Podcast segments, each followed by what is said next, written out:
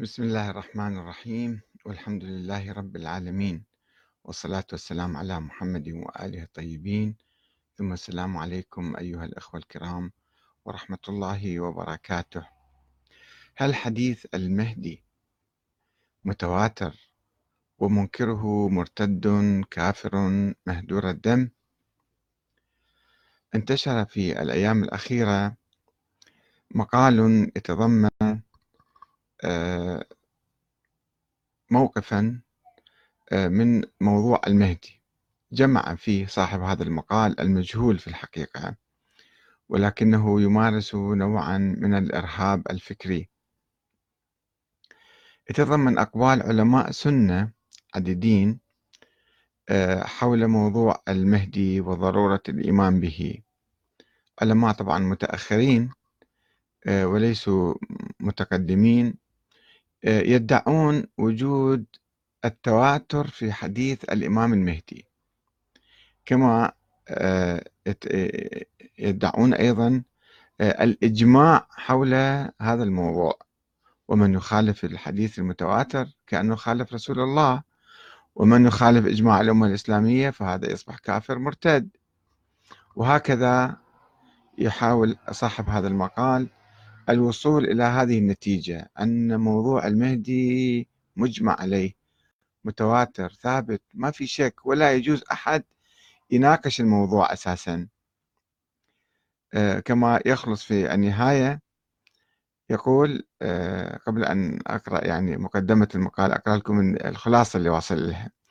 يقول خلاصة القول إن إنكار مسألة الإمام المهدي عليه السلام. وإنكار خروجه أمر عظيم لا ينبغي التفوه به بل ربما أفضى بصاحبه إلى الكفر والخروج عن الملة والعياذ بالله تعالى. والواجب تلقي ما قاله رسول الله صلى الله عليه وآله بالقبول والإيمان التام والتسليم به فمتى صح الخبر عن رسول الله صلى الله عليه وآله فلا يجوز لأحد أن يعارضه برأيه واجتهاده بل يجب التسليم كما قال الله عز وجل ممنوع الاجتهاد يعني. كما قال الله عز وجل فلا وربك لا يؤمنون حتى يحكموك فيما شجر بينهم ثم لا يجدوا في أنفسهم حرجا مما قضيت ويسلموا تسليما. وقد أخبر النبي صلى الله عليه وآله بهذا الأمر عن الدجال وعن الإمام المهدي عليه السلام. وعن النبي عيسى ابن مريم عليه السلام. ووجب تلقي ما قاله صلى الله عليه وآله بالقبول والإيمان والحذر من من تحكيم الرأي والتقليد الأعمى. والذي يضر صاحبه الذي يضر صاحبه ولا ينفعه لا في الدنيا ولا في الآخرة. ولا يسع المجال هنا لاستقصاء كلام الأئمة عليهم السلام والعلماء في تواتر أحاديث المهدي المنتظر عليه السلام والتحذير من إنكار شأنه لكن ما ذكرناه فيه كفاية إن شاء الله تعالى والله الهادي إلى سواء السبيل. الآن لاحظت في عندما يذكر هذه الآية النساء آه، آية 65 بالرقم الإيراني الآن بالفارسي يعني. الأرقام الفارسية الخمسة والستة تختلف عن العربي.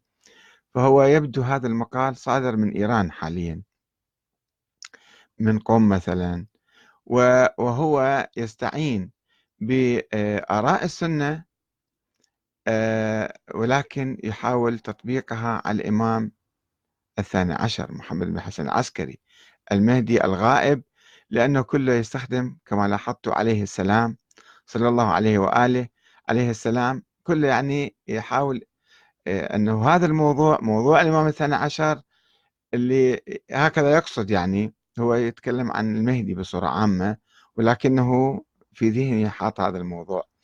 أنه هذا موضوع ما يجوز الاجتهاد فيه ولا التحقيق لا ويدعي من يجتهد أنه هذا يقلد تقليد أعمى. كيف يكون يعني؟ هم الاجتهاد ممنوع هم التقليد الأعمى ممنوع اللطيف هنا.